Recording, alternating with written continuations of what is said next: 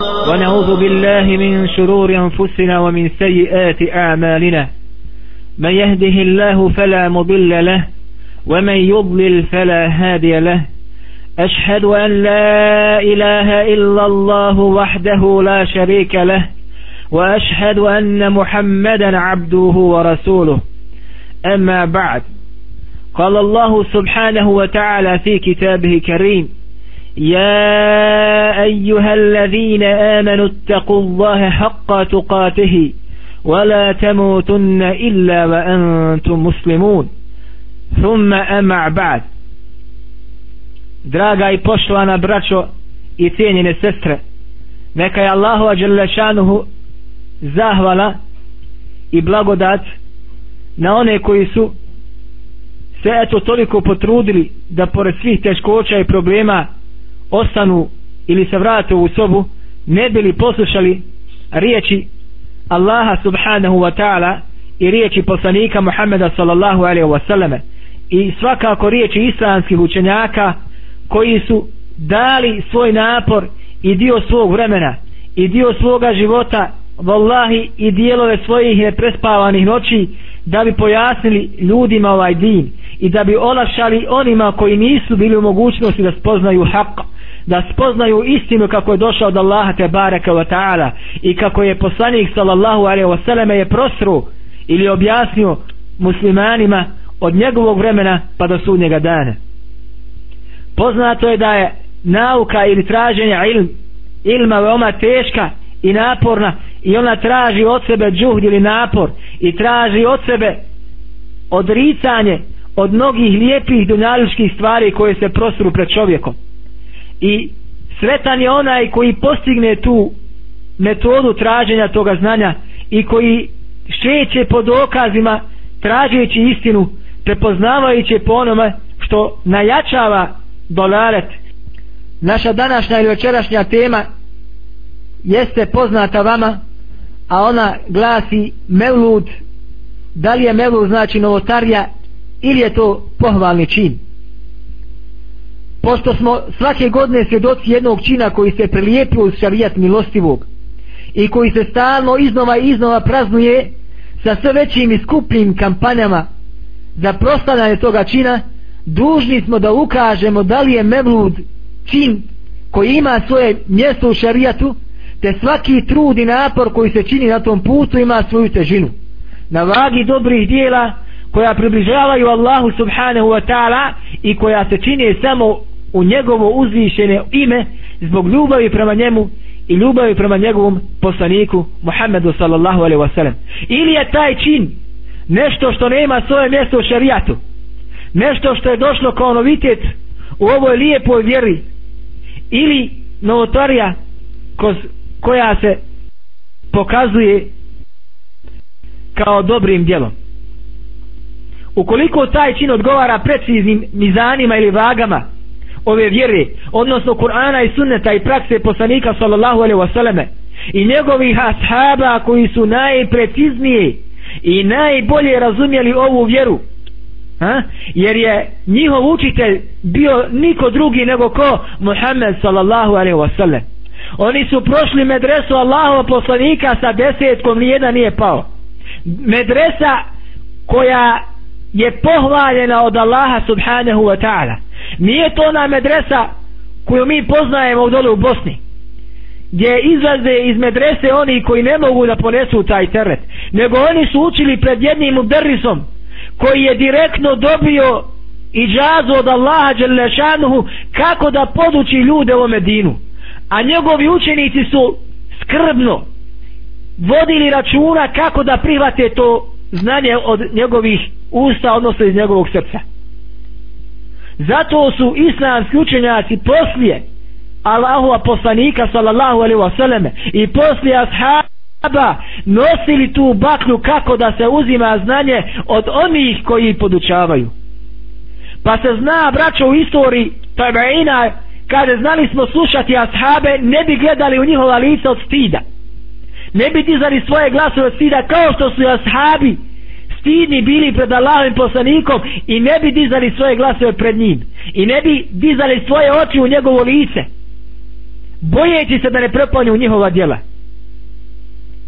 Pa se bilježi kako kaže Abdullah ibn Abbas kada je objavljivana sura At-Taube u kojoj su razotkriveni munafici i Allahu Đelešanu neprijatelji kaže Abdullah ibn Abbas bojali smo se kaže da ta sura neće svakog pojedinačno da razotkrije da spomene svaku ime pojedinačno koje kakav. I ashabi nisu pitali mnogo Allahova poslanika kažu neki da su postali samo 13 pitanja Allahovom poslaniku jer su znali ako Allah poslanik sallallahu alaihi wasallam pojasni ili ne bude znao pa dođe objava od Allah želešanu po tome pitanju to je za njega vađin i on to mora da ponese. Nema više izmicanja.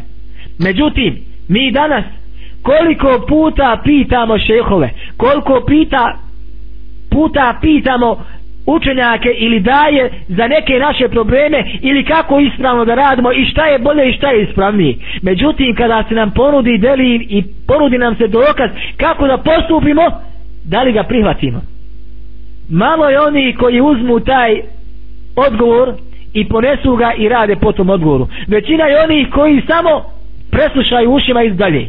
Znači, ta vaga kojom se mjeri da li je neka stvar u skladu sa šarijetom Allaha Đelešanu ili je nešto novo što je došlo u vjeru jeste kako smo rekli Kur'an Allahova Đelevala knjiga zatim sunet Allahov poslanika i zatim ashabi iđma ashaba ono na što su ashabi postigli dogovor i nisu se različili po tome pitanju. Jer Allah Đelešanu je braćo i sestre tu skupinu ljudi pohvalio najljepšim pohvalama. Gdje kaže subhanallahu wa ta'ala wallazina amanu wa hađeru wa jahedu fi sabili kaže to su oni koji vjeruju i koji su se iselili.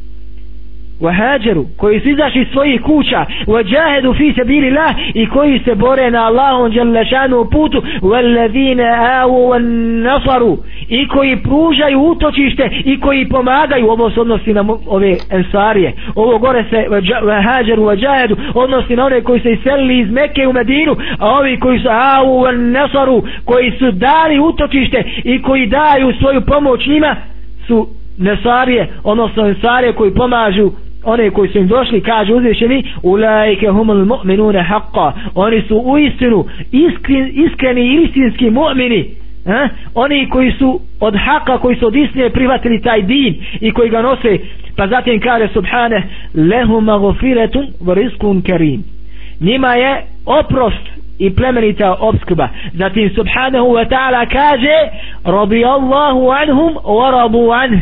Allah jalla wa ala je zadovoljan sa ashabima i oni su zadovoljni sa njim wadda lahum jannatin tajri tahtiha al-anhar خالدين فيها أبدا ذلك فوز العظيم kaže Allah subhane radi Allahu anhum da je Allah žele wa ala zadovoljan sa tom skupinom muslimana wa rabu an i da su oni zadovoljni sa njim wa adda lehum i pripremio je njima Allah džennetin džennete množine dženne je jednina. Džennet je množina. Znači pripremio je Allah subhanahu wa ta'ala toj generaciji muslimana džennete.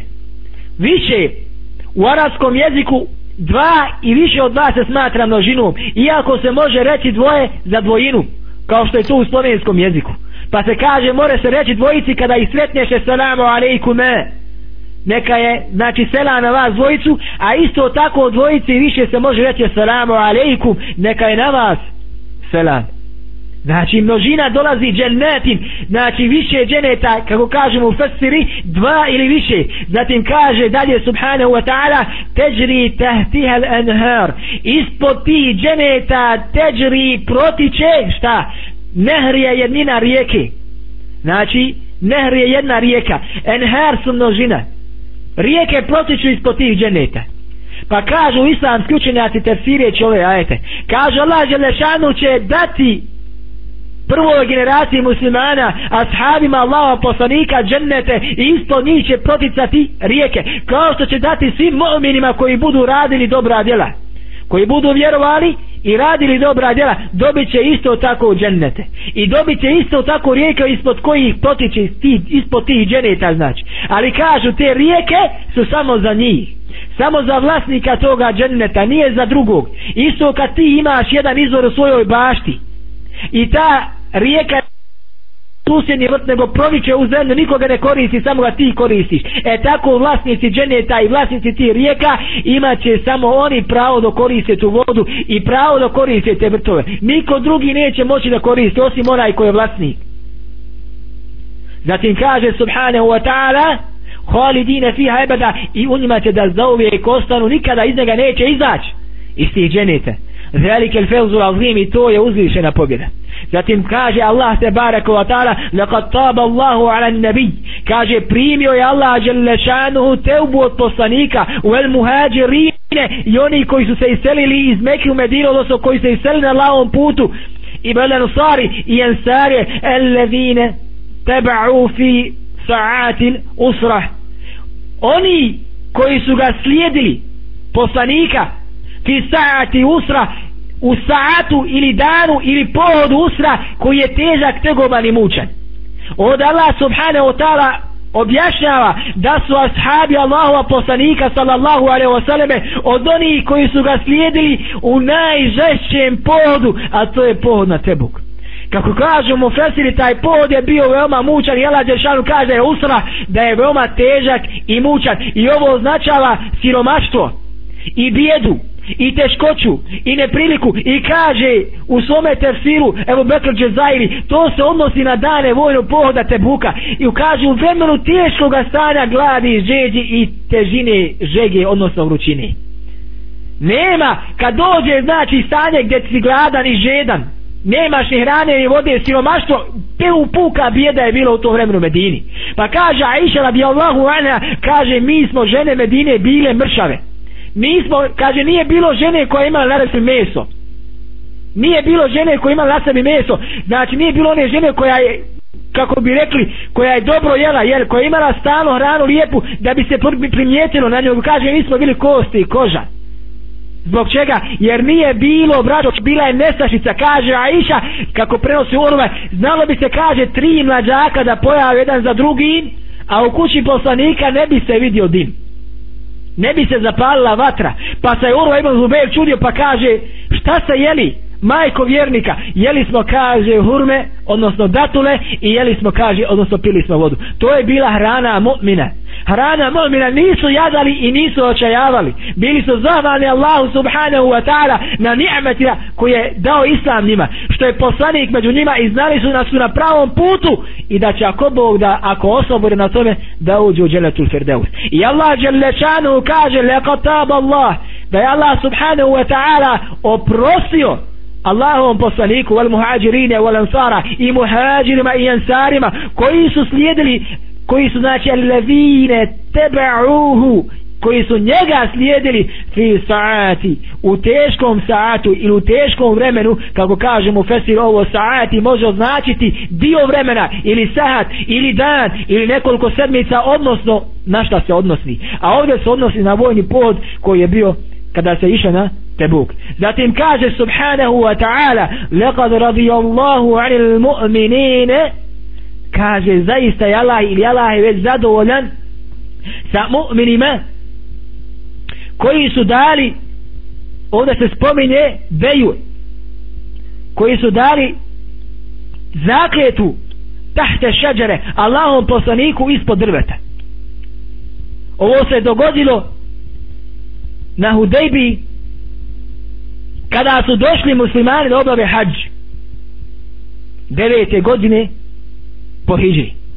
pa su im se ispriječili odnosno osme godine po hijđi pa su im se ispriječili mušnici i zabranili im da prođu naprijed. Pa je Allah poslanik sallallahu alaihi wa sallame poslao svoga zeta. Pogledaj o, Osmana da ide u, u Meku da im kaže da je došao Allah poslanik samo da obavi hađ i da će se vratiti nazad nije poslao nekog drugog nego svoga zeta pa ako te ubi ubit će moga zeta neće ubiti nekog iz čovjeka pa da kažu nije poslao svoje sinove i šćeri i svoje bliže nego je poslao one koji su mu dali. Svoga zeta šalje da njegov zet ode da posjeti mušnike u Meki pa kada je došao Osman radijallahu anhu u Meku mušnici su ga zatvorili određen dio vremena. Pa je procurila vijest da je Osman ubijen pa je Allaho poslanik sallallahu alaihi wa sallame pa je Allaho poslanik sallallahu alaihi wa sallame sazvao muslimane koji su bili prisuti na Tebuku i rekao im dajte mi beju na, na šta? na smrt pa im je se odazvalo od 1401 asab koji je bio sa njim 1400 njihar je dalo njemu prisegu da će da umru na tome putu na kojem su krenuli. Ili će obaviti hađ ili će poginuti za Allaha subhanahu wa ta'ala. Samo jedan od njih nije dao beju. Samo jedan od njih nije dao beju i to je bio poznati munafi koji se zvao Džed ibn Qais. Samo on nije dao beju Allahom poslaniku sallallahu alaihi wasallame na tome znači da se dane zakata na smrt i takav taj munafik je umro kao munatik nije otišao sa ovoga svijeta kao musliman. Od 1401 njih 1400 je dalo pristagu na smrt. Znači a postavljam pitanje i sebi i tebi koliko bi se nas od 1401 koji slušamo dersove i koji nosimo u ovaj din i nosimo baklju ovoga islama i ove dave koje, za koju kažemo da je, da je ispravna koliko bi se nas da nas sakupi insan na jednom proplanku 1401 i da kaže dajte mi beju na meut na smrt. Koliko bi se nas prijavilo tome? I koliko bi nas bilo od onih koji bi okrenuli svoja leđa? Wallahi pitanje je veoma opasno i teško. Neki od ashaba su tu kada su davali beju po tri puta davali beju po tri puta su dolazili kao što je bio Salman ibn Ekwa on je došao i na početku i na kraju i u sredini svaki puta je dolazio dajem ti poslaniće svoj život dajem znači beju na smrt dajem. Tri puta je to učinio. Bilježi ibn Qaim al-Dževzi u Alamu Muqa'in da su se ljudi u vrijeme Omerova hilafeta kada je postao Omer halifa počeli okupljati ispod toga drveta. Jer to drvo je spomenuto u Koranu ispod kojeg su ashabi poslaniku sallallahu alaihi wasallam dali zakajtu na smrt. Skupljali se na to mjesto i činili su ibadet. Klanjali zikrili i ostale ibadete činili se na tom mjestu jer su smatrali da je to drvo ili taj mekan ili to mjesto ispod tog drveta i oko njega posebne specifične vrijednosti kada je Omer obavješen o tome naredio je da se to drvo posjeće pa su ga posjekli. Pogledaj ovo. Drvo koje je uzvišen i spomenje u Kur'anu. Ispod njega je sjedio ili boravio poslanik sallallahu alaihi wa sallam ispod tog drveta je došlo dati prisegu 1400 sahaba od koji su i četvorica halifa. Međutim Omer ga sjeće zbog onih koji ne znaju šta je to istinsko vjerovanje koji ne znaju šta je ovaj din donio koji su svoj taj din ili svoju vjeru dali određene bidate ili novotarije pa su smatrali da određene stvari ili određena mjesta imaju specifičnu vrijednost. Allah Đelešanu nije ništa specijalno za to objavio niti je poslanik sallallahu alaihi wasallame o tome rekao. Danas braćo i poštovane sestre u Bosni hiljade ljudi posjećuju brda hodaju po brdima posjećuju planine muče se posjećuju pećine i razna dobišta ispunjena bajkama i legendama o kojima Allah subhanahu wa ta'ala nije ništa objavio. Šta misliš da je ova ajva zedina pećina na ajvatovici spomenuto u Kur'anu kao što je spomenuto drugo prisegi možda bi je ozvaničili velikom čabom kao što je danas zvaniče malom čabom. Šta misliš da je Allah Đelešanu u kojim slučajem spomenuo Ajvatovicu u Kur'anu kao što je spomenuo ovo, ovo drvo na kojem su dali ashabi beju na smrt? Šta bi se danas radilo od toga mjesta? Ako je Omer posjekao to drvo zbog toga što su ljudi ga počeli da smatraju specifičnom vrijednošću koje ima po nekoj logici veće pravo da bude posjećivano zbog čega zvaničnici islamske zajednice ne zatvore te pećine i dolišta koji, koje umaraju narod? Jer ako ćeš tražiti sebi primjer traži ga u poslaniku. Zatim ga tražiš u tvorici halifa. Pa ne treba ti bolji primjer na kraju krajeva od halife Omera radijallahu anhu.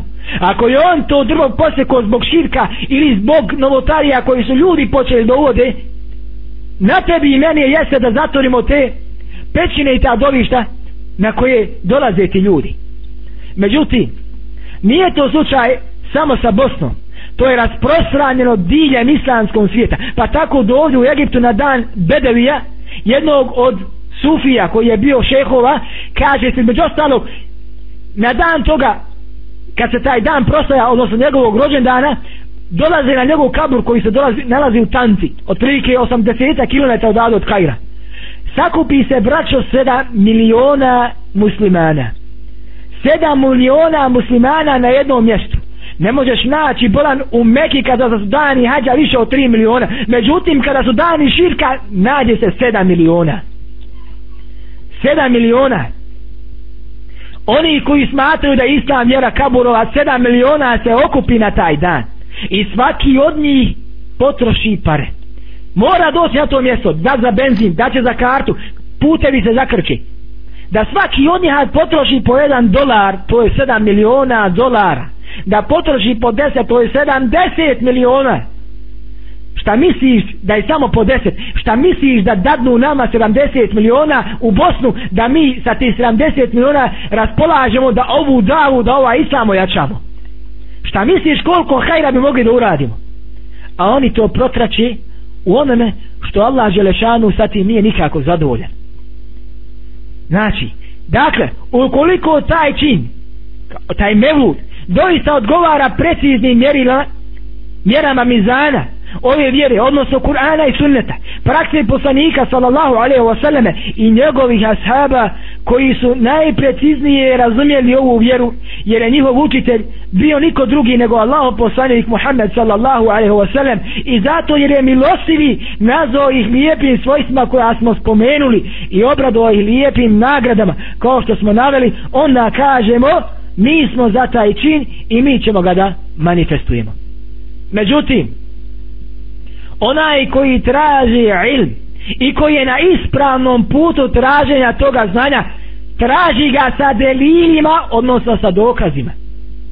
I kada mu dokaz dođe u njegove ruke on po njemu radi i postupa. Međutim ukoliko se dogodi da po jednom pitanju ima dva ili više dokaza pribjegava onome dokazu koji ima jače argumente. E to je put onoga koji traži hak u ovome dinu. Onoga koji traži znanje a sa tom znanjem ili s tim znanjem traži delil. Ne interesuje me govor tražim delil za to. Moraš mi reći da ima pet dnevnih namaza u islamu ali daj mi delil da ima pet da ih nije šest. I tako dalje. Znači onaj koji traži znanje mora ga tražiti sa dokazom i delilom za svaku stvar koja dolazi na tome putu. Zatim slušaj dobro kako kažu islamski učenjaci a oni koji su na putu slijedženja svoji strasti ili novotarija ne traže rješenje ponuđeno sa dokazom nego rovare po iznuđenom dokazu i ubacuju šubhe tako da ga okrenu na opački njemu dokaz kada daš on neće da ga uzme nego ga rovari. Ide od početka pa na kraj pa u sredinu pa iz njega izvodi razne fetve i svoja mišljenja kako njemu pašu. Primjer izvrtanja i rovarenja po izođenom dokazu Kur'ana i sunnjata i ubacivanja u njego šubhe jeste hadis kojeg ćemo navesti od mnogih tih stvari kojeg bilja žima muslim u svome sahihu džabir radijallahu anhu koji je rekao. Slušajte dobro. Kada Allahu poslanik sallallahu alaihi wa sallame odnosno ashab kaže nehe nehe Rasulullahi sallallahu alaihi wa sallam zabranio je poslanik sallallahu alaihi wasallam ili emera emera Rasulullahi sallallahu alaihi wasallam ili naredio je poslanik sallallahu alaihi wasallam dobro brate i sestro pogledaj taj hadis. Jer kad kaže neha to je zabrana i za mene i za tebe i za sve muslimane. I kada kaže emere to je naredba imeni tebi kao što je Allah subhanahu wa ta'ala naređuje ovo dobro zapamtite. Kada dolazi u hadisu da kaže ashab koji prenosi od poslanika neha Rasulullah sallallahu alaihi wasallam i emere Rasulullah sallallahu alaihi wasallam to znači da moraš dobro da otvoriš uši i da otvoriš svoje srce da ono što uđe uho sjede na srce i da bude tvoj amel po tome. Tvoje djelo i postupak po tome što si čuo. Zatim kaže u tome hadisu koji znači bilježi ima muslim od Džabira, od Džabira radijallahu anhu neha Rasulullahi sallallahu alaihi wa sallam. Zabranio je poslanik sallallahu alaihi wa sallam en, en yugassasa kabr zabranio je poslanik sallallahu alaihi wa selleme en yugassasa al kabru što znači ovo yugassasa se dolazi od glagola u bari je odnosno krećiti farbati, omalterit, fasadirat, zagipsat, brojit. Zabranio je znači Allah poslanik sallallahu alaihi sellem da se boje kaburovi, da se gipsaju, da se farbaju, da se malterišu, da se fasadiraju raznim bojama. Ha? Isto tako Jossas označava zidar. Jedan od velikih alima hanefijskog mezheba, braćo i sestre, koji se zove Abu Bakr koji je dao i napisao jedan od velikih tefsira koji se zovu Ahkamul Kur'an ili Ahkamu tefsirul Kur'an u kome je dao propise koji se nalaze u Kur'anu sabrao je sve ajete koje govore o propisma i dao na, njihova, na njihar fiktivna fikska mišljenja i razilaženje po tom pitanju. Iako je on bio Hanefija koji je vukao na u stranu ali bez obzira uradio veliki posud. Džesaš što znači da je bio zidar.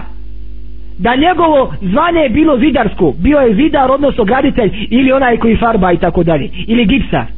Šta znači to? To znači braćo evo imate primjer imam Zehebi. Šemsudin Zehebi je bio onaj koji zlatar bavio se prodajom zlata i kupio on zlata ali je bio najveći stručnjak jedno od najvećih stručnjaka hadisa i ovaj Džasas je bio Ebu Bekr Džasas je postao jedan od najvećih faqiha odnosno tumačenja propisa Kur'ana Isto tako šeh Albani je bio sajđija.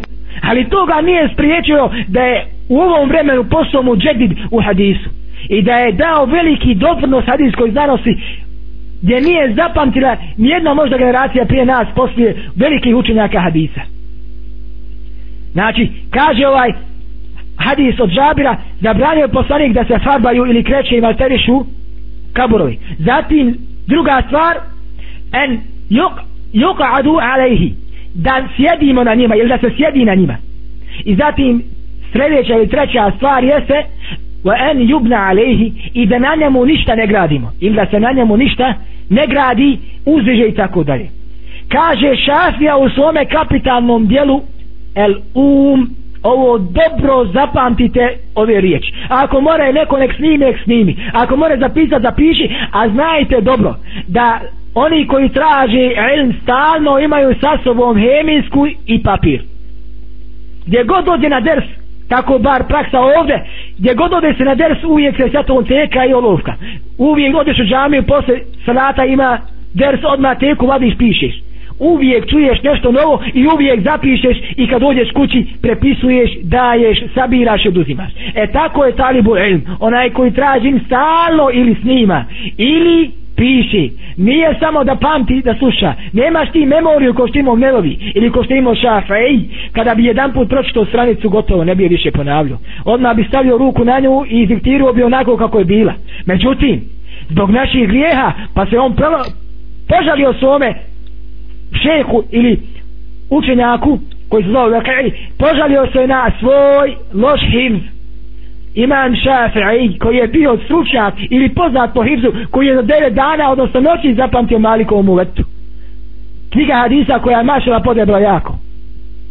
Požalio mu se na slabo pamćeme pa mu je rekao je, pogledaj na svoje grijehe jer su oni sebe toga pamćenja, odnosno gubitka toga pamćenja i kaže se između ostalog Šafi'i vallahi toga dana ili prijedno, odnosno sebe toga moga pamćenja jeste da sam vidio kod jedne žene članke, odnosno dio nogu kod članaka. I kaže to je bio sebe moga, moga slabog pamćenja. A bio je izrazito poznat po tome. pogledaj znači imam šafi u svome kapitalnom dijelu koje se zove El Um. Kaže vidio sam imame i učenjake u Mekki kada je otišao u Meku da uči i da obavi hađ. Kaže kako naređuju da se poruši sve što je iznad kabura. Dobro ovo zapamte. Vidio sam znači kaže imam šafi imame u Mekki učenjake Mekke u tome vremenu kako naređuju da se poruše zdanja ili sve ono što se nalazi iznad kabura malo ćemo to prokomentarisati. U ovom hadisu Allah poslanik sallallahu alaihi wasallam zabranje bilo kakvo ukrašavanje i dokorisanje kabura kojeg smo naveli. Zabranjuje sjedje na njima i zabranjuje bilo kako zidanje ili građe na njima. Međutim sljedbenici strasti notarija prigovaraju pa kažu šta ima loše. Pa šta ima loše da se kaburovi urede i dotjeraju ured jedan se prebaciva stalno od kršćanske strane.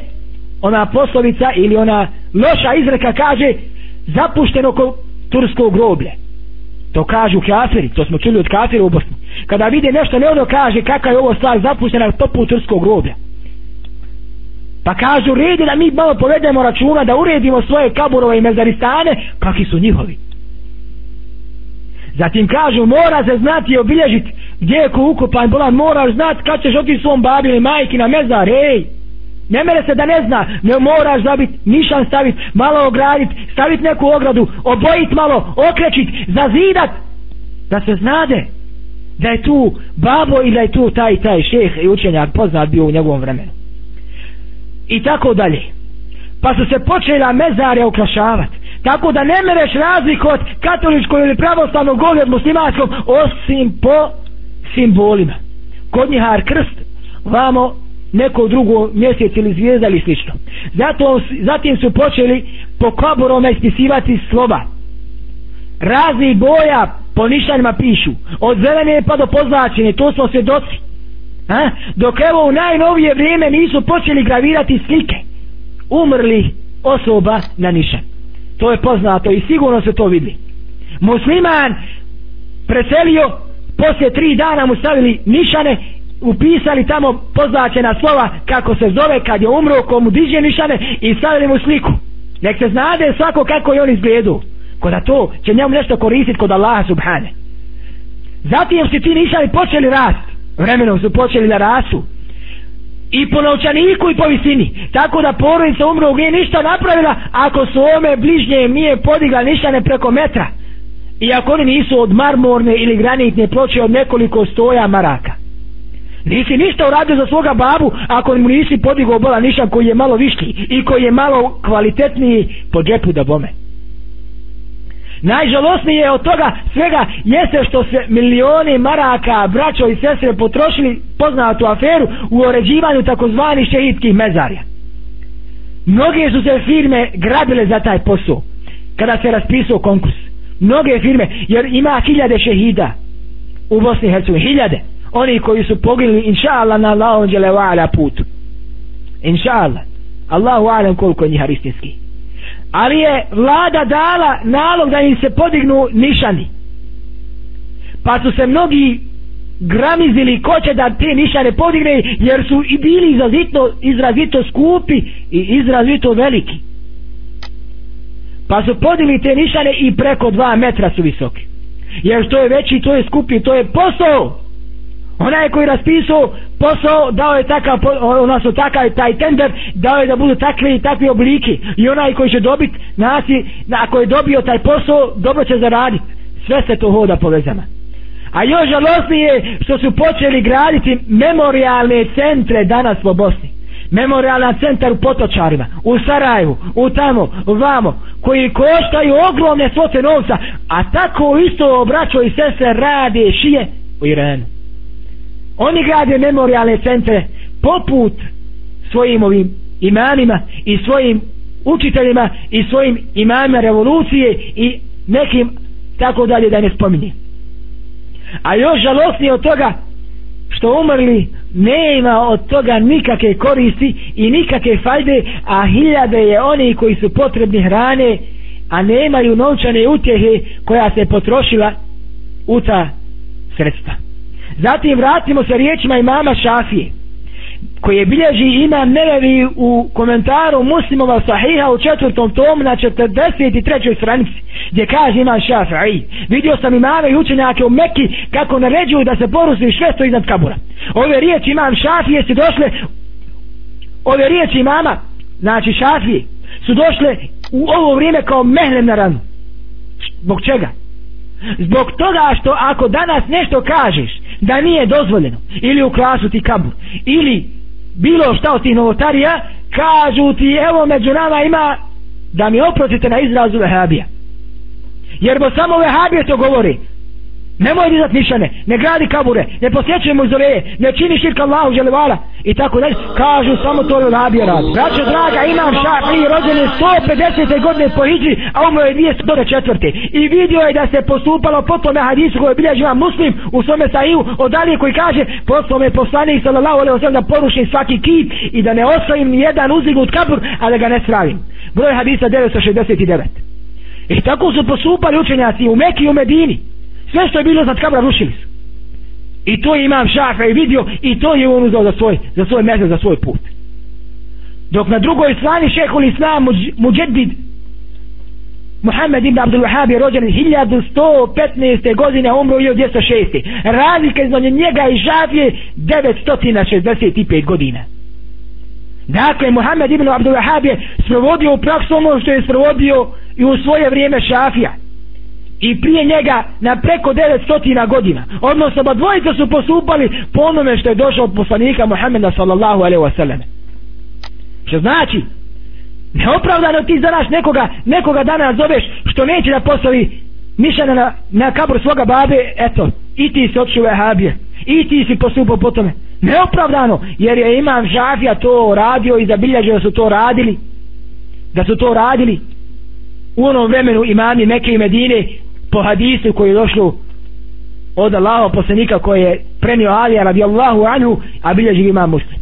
Da bi Melu stavili na vagu koja određuje da li je njegov praktikovanje novatarija ili pohvalni čin moramo prvo spoznati šta je to bida ili novatarija a riječ bida u jezičkom značenju znači arapskom jeziku znači novina pronalazak a dolazi iz glagola beda dolazi iz glagola beda koju mu dali koju u prošlom vremenu znači izumjeti, pronaći nešto novo proizvesti, početi prvi puta i tako dalje. Znači, glagol iz kojeg dolazi bida jeste beda koje označava nešto novo.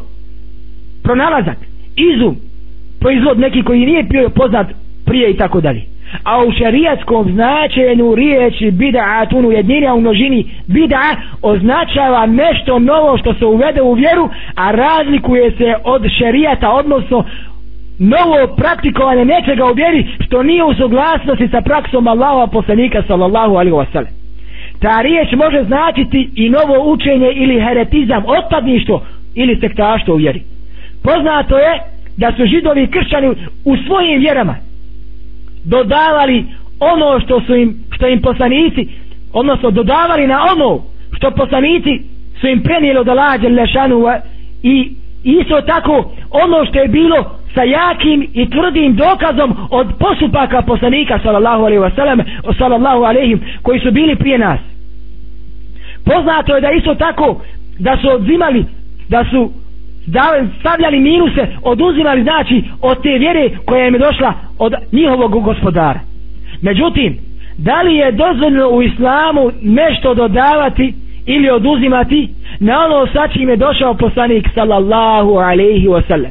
Isto tako da li je neophodno da muslima na osnovu svog individualnog svatanja ove vjere ostavi način i i približavanje Allahu Želešanu onako kako je čini Allahu poslanik alaihi salatu wasalam i onako kako je on kao najbolji mudarris i učitelj podučio svoje ashabe i krenuti za svojim individualnim svatanjem kao obožavanje svoga gospodara. Isto tako postavlja se pitanje da li je Allah subhanahu wa ta'ala preko svoga poslanika dostavio nama ovu vjeru u potpunosti ili je ona krnjava i neophodno je potrebno dodati rekonstrukciju i popraviti ovaj din.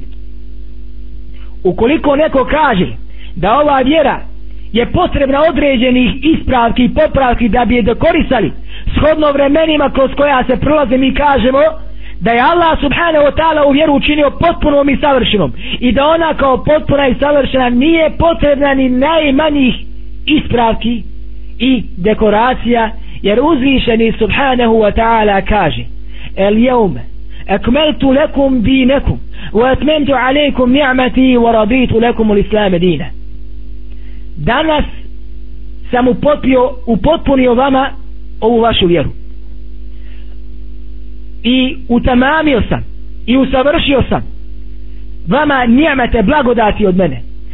I zadovoljan sam da vam islam bude vjera kažu mu fesiri da ovaj ajet da je on objavljen na dan velikog hađa. Na arefatu na dan džume odnosno petka. 81 dan prije smrti Allahova poslanika alaihi salatu wasalam. I to je posljednji ajet koji je sišao i koji govori o propisima. Zadnji ajet koji je došao od Allaha subhanahu wa ta'ala i koji govori o propisima pogledajmo malo bolje ovaj ajet. Sa one tačke sa koje gledaju oni koji tragaju za istinu. Prva stvar. Allah subhanahu wa ta'ala je ovaj ajet objavio najodabrenijem meleku od meleka. Džibrilu alaihi salam.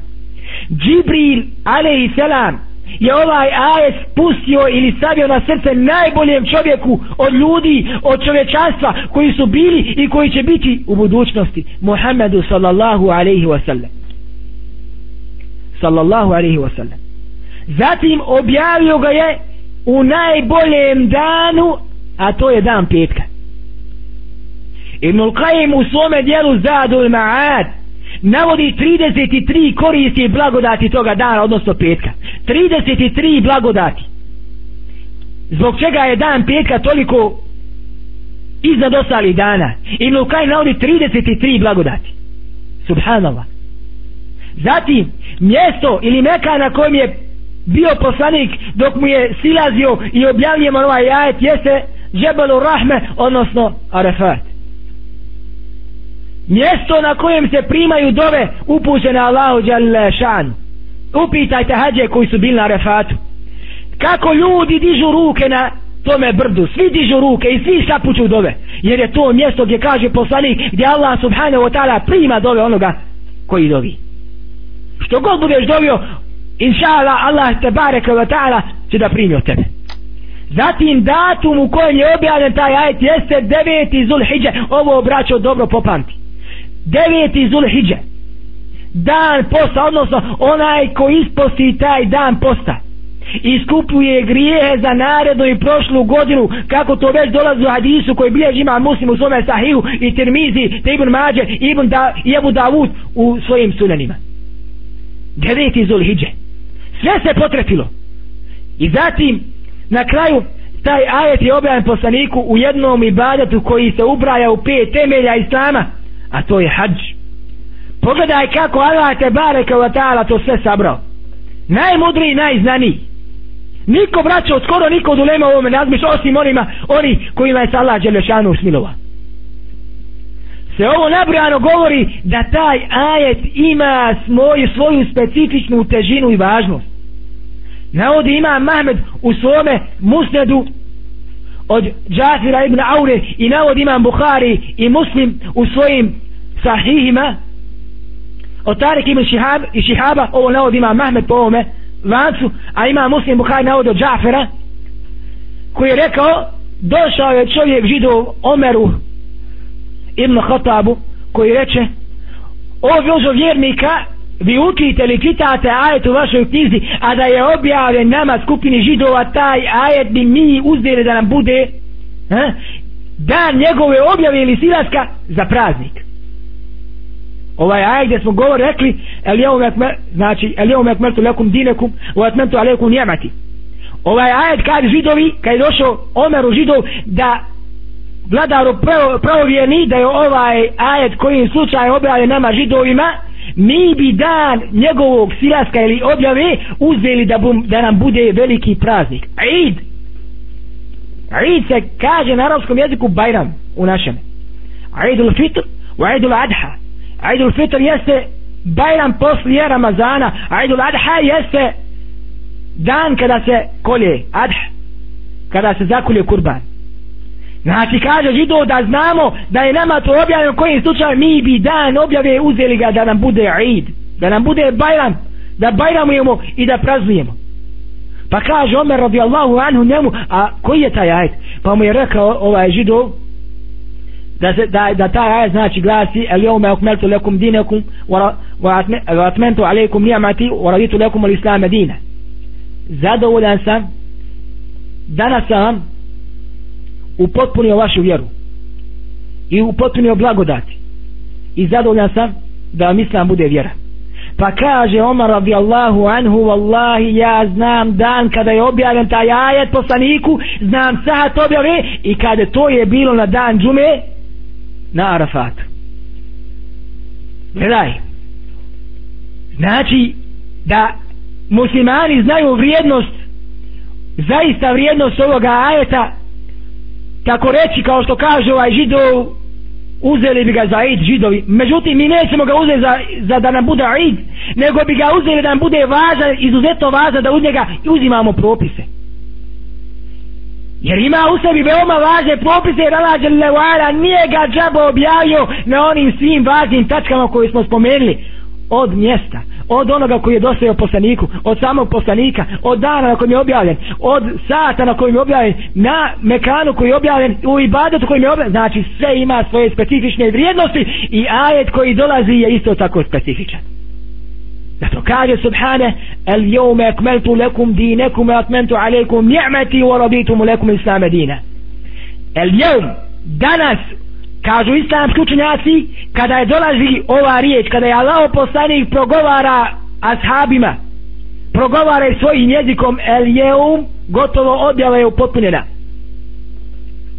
Onog momenta kada je poslanik izrecitirao ove riječi el jeum ekmeltu lekum dinekum gotovo vjera islam je upotpunjena i nema više niko pravo da nešto ubacuje i iz nje izvodi jer Allah subhane daje garanciju da je upotpunio ovaj din. Kaže ima Malik ko uvede nešto novo u vjeru i radi po tome on je kaže za nijeku da je Allah Đelešanuhu upotpunio ovaj din. On je lažac kazib na Allah Đelešanu jer Allah Đelešanu kaže da je upotpunio ovaj din a on radi mimo toga. To su ulema moja i tvoja ulema. Kaže ima Malik, ko bude uvodio neke novotarije i postupao po njemu, on smatra la lažovom. Jer Allah Đelešanu kaže da je u potpuni ovaj din i da nema potrebe da neko dodaje i oduzima. Bilježi ima Mahmed u svome musnedu od Ibn Mađe, Ibn Mađe u svome sunenu, u Mukaddimi.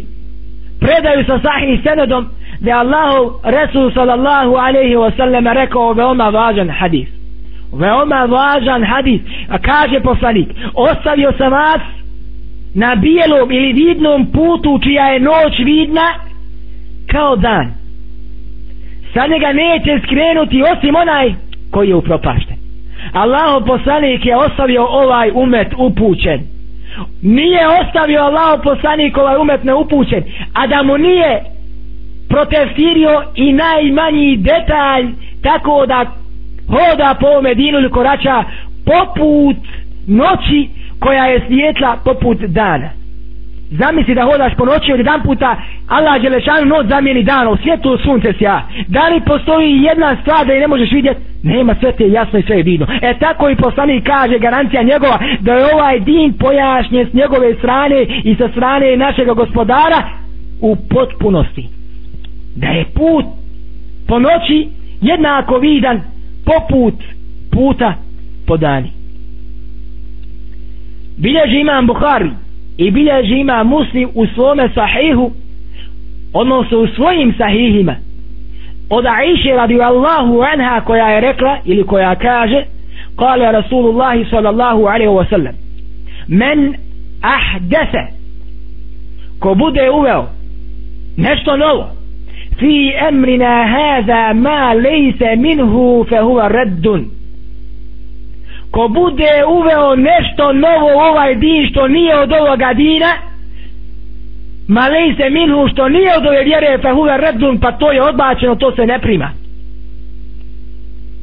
bilježi ima muslim u svome sahihu da iše radijallahu anha da je poslanik sallallahu alaihi wa sallam rekao mena amile amelen lejse alejhi emruna fa huve redun ko bude radio po jednom poslu i postupao po nekom poslu lejse alihi emruna a nije u njemu ništa dolgo islama.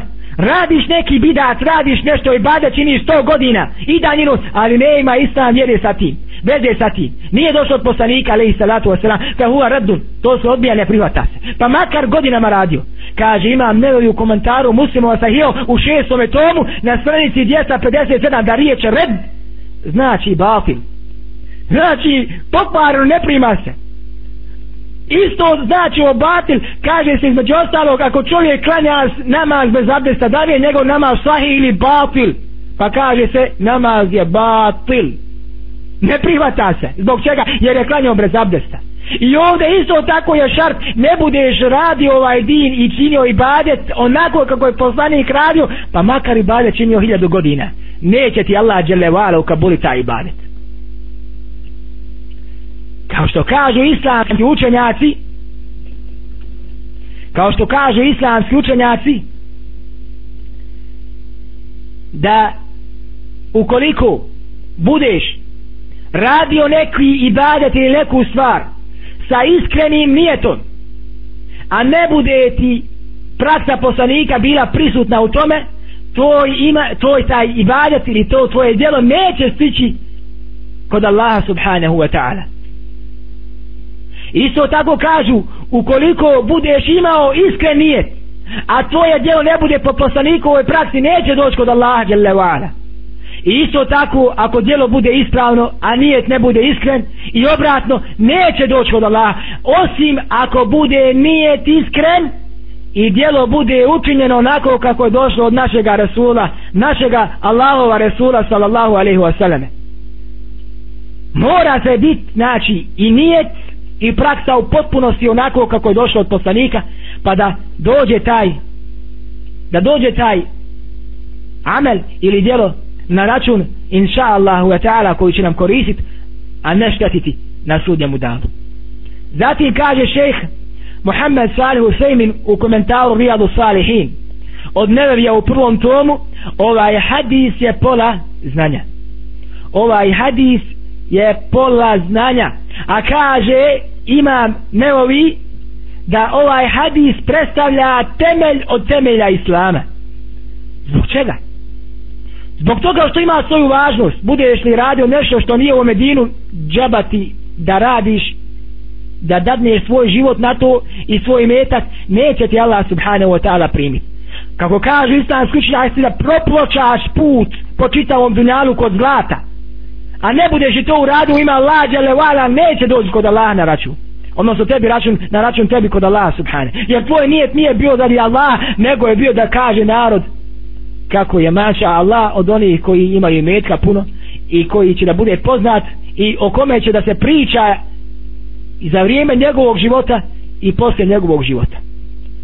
Neophodno je da čovjek ima iskristaliziran nijet kako kaže imam Sauri Sufjan Sauri. Ništa mi nije bilo težo u mome životu i od ovoga dina osim da pročistim svoj nijet. Fudajl ibn Ilijad kaže, ko smo naveli prije gore, ukoliko čovjek ne bude radio po praksi poslanika sallallahu alaihi wasallam i ne bude mu bio nije iskren, neće doći njegova djela kod Allaha subhanahu wa ta'ala. Zatim kaže subhanahu wa ta'ala, fema fema za ba'de haqqi ila al-batil, odnosno ila al-dalale. Fema za ba'de al-haqqi illa dalale. I kaže šta je preostalo drugo od istine osim balalet, osim zavluda. Znači, koliko ne bude taj hak prihvatio kako treba, ništa ti drugo ne gine nego balalet, odnosno da skreneš u, u sramputicu i krivi put. Bilježi Ebu Davu i Tirmizi u, sa, u sahihu, sa sahim senedom, odnosno ocijenio taj sahih sened, da je sahih imam Albani, ili šeha Albani, muhaddis, muđedid, od Irbada, Ibn Sarije, da je Resul sallallahu alaihi wa sallam rekao wa ijakum muhdesat wa ijakum muhdesat il umur. Dobro se čuvajte novi stvari i noviteta ili notarija u vjeri. Fa inne kulle bid'atin dalale jer je zaista svaka biba svaka novotarija dalale a bilježi nesa'i u svome sunenu dodatak wa kulla dalaletin fin nari a svaki dalale će da završi u vatri. Aha. Pa neki prigovaraju pa kažu kako može da onaj koji čini bidat a radi to iskreno ima Allah da završi u vatri. Nije on od kafira. Međutim kažu islamski učenjaci ovo u vatri će da bude u vatri shodno toj bidaj ili toj novotari koji je činio. Ovo je završetak njegov u vatri jeste zbog toga što je činio taj dalalet a nije vječnost u vatri. Bilježi ima muslim od Žabira da je Resul sallallahu alaihi wa sallam rekao emma ba'd fa ina khayra al hadith kitabullah wa khayra al hadi hadi Muhammedin sallallahu alaihi wa sallam wa sharra al umuri muhdathatuha wa kull bid'atin dalale kaže Allah poslanik sallallahu alaihi wa sallam zaista je najbolji govor Allahu a jalla wa ala knjiga ne može niko to da zaliječi. Niko ne može zanijekati da najbolji govor nije Allahu a jalla wa ala knjiga. I hajrel hedi i najbolja uputa hedija uputstvo na huda jeste hediju Muhammedin sallallahu alaihi wa sallam jeste uputa Muhammeda Mustafa sallallahu alaihi wa sallam a ne uputa nekog insana ili šeha Wallahi braćo danas postoje oni koji slijede svoje šehove i neće upisati fakulteta osim ako mu šeh ne bude naredio. Neće se oženiti ako mu šeh ne bude rekao ženi se. Neće otići na posao u sedam ako mu ne bude šeh rekao ili svaki dan u sedam. Neće ručati u 12 ako mu ne bude šeh rekao. A kaže Allah poslanik wa khayl al hadi hadi hadi Muhammed sallallahu alejhi najbolja uputa je uputa poslanika nije uputa šeha. Sjećam se jednog brata koji mi kaže kako je imao velike belaje u Oesi u Bosni sa jednim sufnijom koji je bio u njegovoj kasani ne meri ga kaže opametiti nikako. I jedne prilike u noći došao kaže vratio se sa zikra. I sam sretan radosan. Pa kaže pitamo ga zbog čega si ti danas veso i radosan? Kaže imao sam neopisivu čast. A koju čast? Imao sam priliku da noća zapalim svome šehu cigaru. Maša Allah dobio je izvarednu priliku da svome šejhu zapali cigaru. Allahu ekbar. Wala haule wala kuvata illa billah.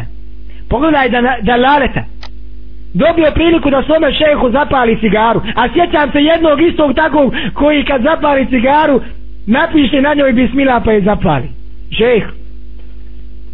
pogledaj. A ustanski učenjaci složni ulema ilma da je pušenje haram a takvi puše i još oni koji im pripaljuju cigare puni sreći. Da nas Allah subhanahu wa ta'ala sačuva dolarete.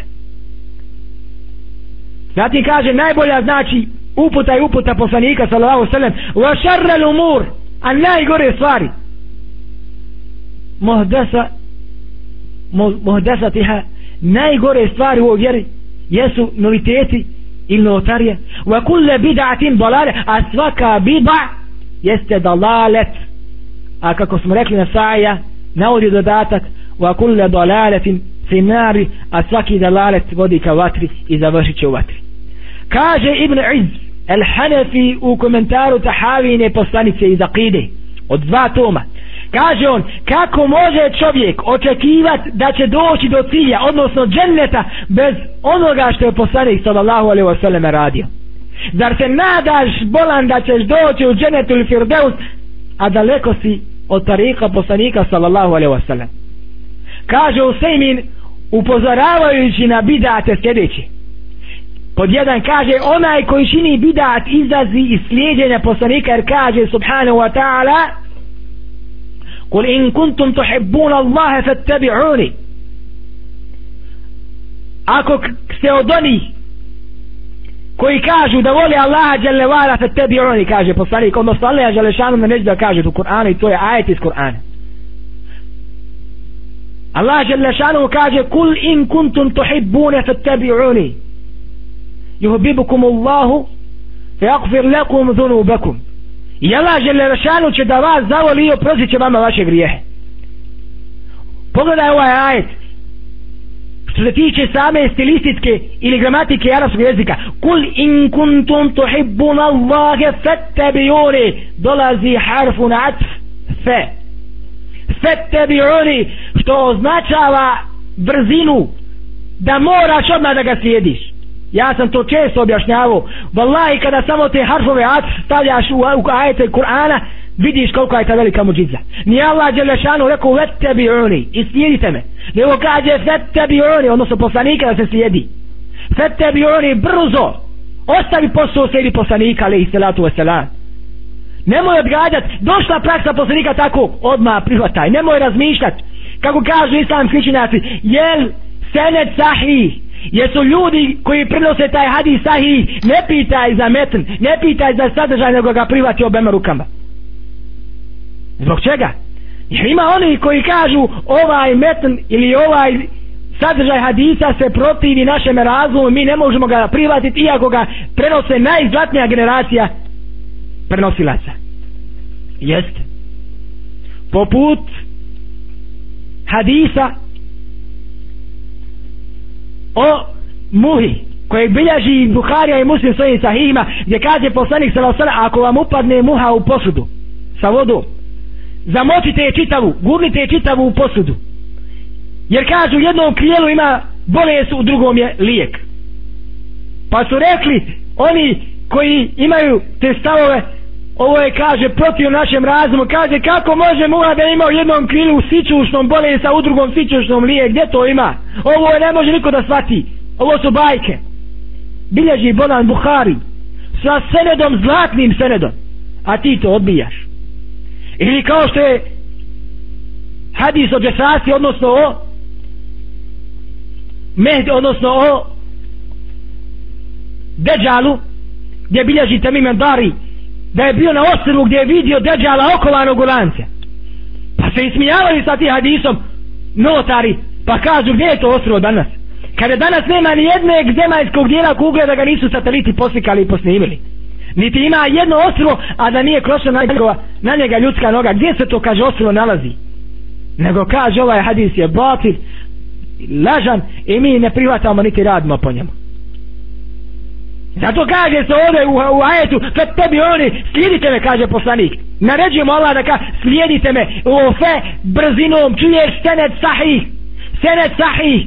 Prihvati hadis pa makar govorilo da da se spomnje tvoje ime po ružom unutra jer je ispravan lanac prenosilaca toga hadisa. Zatim kaže Usaimin ko sljedbenika bidata pitanje ispravnosti Muhammedar Rasulullah drugog šehadeta. Ti možeš tvrditi ja vjerujem u Allah džele međutim ako ti se protiviš sunetu poslanika i tvoja praksa je kontra njemu pitanje ispravnosti tvojega Muhammeda Rasulullah.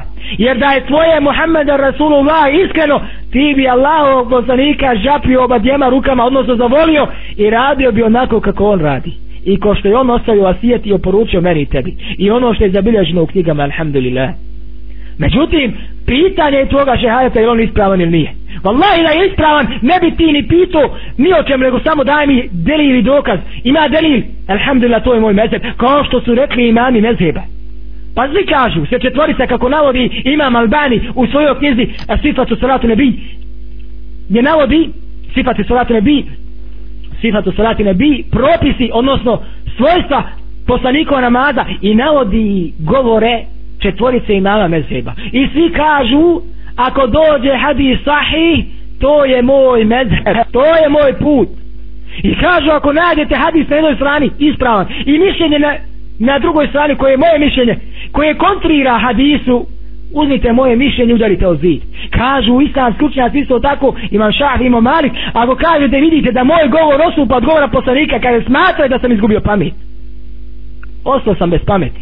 Gdje ćeš me protiviti bolan govor Allahova poslanika? Gdje će se protiviti svojom praksom? Praksi Allahova poslanika. Znači ti bolji od njega. Ti upotpuniješ ono što on kao nije upotpunio. Ne uzubillah zatim kaže u Femin onaj koji slijedi bidat nije uvjeren da je ovaj din potpun. Nije uvjeren da je ovaj din potpun. I Allah Đelešanu garantije da je potpun i kaže da danas sam usavršio vašu vjeru. Ali taj koji čini bidate sigurno nije uvjeren da ovaj din potpun. Jer pored toliko stvari, farbova, obaveza, suneta mu ekeda i suneta i menduba i tako dalje, on ulijeće u bidat. Pa ima li gdje to? Isti slučaj jeste sa ljudima koji navode dvajiv hadis. Pored toliko sahih hadisa, Buhari, muslima, četiri sunena koje su islamski učenjaci protabirili u detalje ukazali na ispravne hadise. I kutubu tisa jel, gdje se točno znade koji je hadis sahih i koji nije. Danas ljudi ulijeće pa fataju daif hadise. Drago mu raj po daif hadis ostavio bojan samo onaj sunetu sahiju nego fata se daif zbog čega? Isto tako sa sredbenikom novotarija. Ostavio ovaj din koji je potpun nego hvata stramputicu i zabludu. S tim dajući do znanja meni i tebi da ovaj din nije potpun. Ja i ti što slijedimo Allaha subhanahu wa ta'ala i poslanika sallallahu alaihi wa sallam on se smijava kao sarava i kaže vi slijedite nešto što nije potpuno mi je upotpunjajmo ovaj din. Zatim kaže u fejmi da će začinjenje bidata i njihovo slijedjenje rasijepiti islamsku umet jer uvodi nešto novo jedan zatim drugi uvodi nešto drugo treći uvodi nešto treće kao što su se rasijepili židovi i kršćani.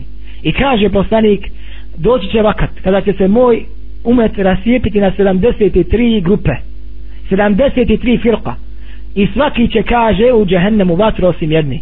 Pa su rekli ashabi koja je to Allah poslaniće to je ona na kojoj sam ja i moji ashabi. Ne minovno je da ljudi kada počnu da radu po svome mišljenju jedan kaže ovo je ispravno. Ovako ćemo raditi ovako ćemo pokupiti celak da dođe do rasjepljivanja među njihovim srcima. Ko što se donos dogodilo sa muslimanskom umetom od smrti poslanika pa nadalje jer uvijek su ljudi počeli da uvode nešto novo. Cijepa to u islamska srca. Ne može srce u kojem je fitra ja koji radim bidat. I ti koji radiš praksu poslanika možemo se voliti možemo se voliti ne možemo se nikako voliti kažu islamski učenjaci neprijateljstvo i mržnja od sljedbenika bide. I sljedbenika haka jeste kaže poput sunca i mjeseca. Poput noći i poput dana ne mere sljedbenik bide da vodi da voli sljedbenika suneta da vodi da voli sljedbenika ispravnog puta. Niti sljedbenik ispravnog puta ne voli sljedbenika bide jer ga mrzi zbog onoga što čini zbog bidata. A sljedbenik bidata mrzi sljedbenika istine zato što znaju da ovaj na istini. Pa odličnog za ga mrzi. E tako je propis fitra u ovom medinu zatim kaže šejh Usejmin ako se raspostani bidat gasi se sunet. I ovo je istina. Što god se više bidata rasprostranjuje i širi sve više se i više suneta gasi. Džemat u džami uveo ovo odmah automatski sunet jedan briši. I ne osjetiš on se briši.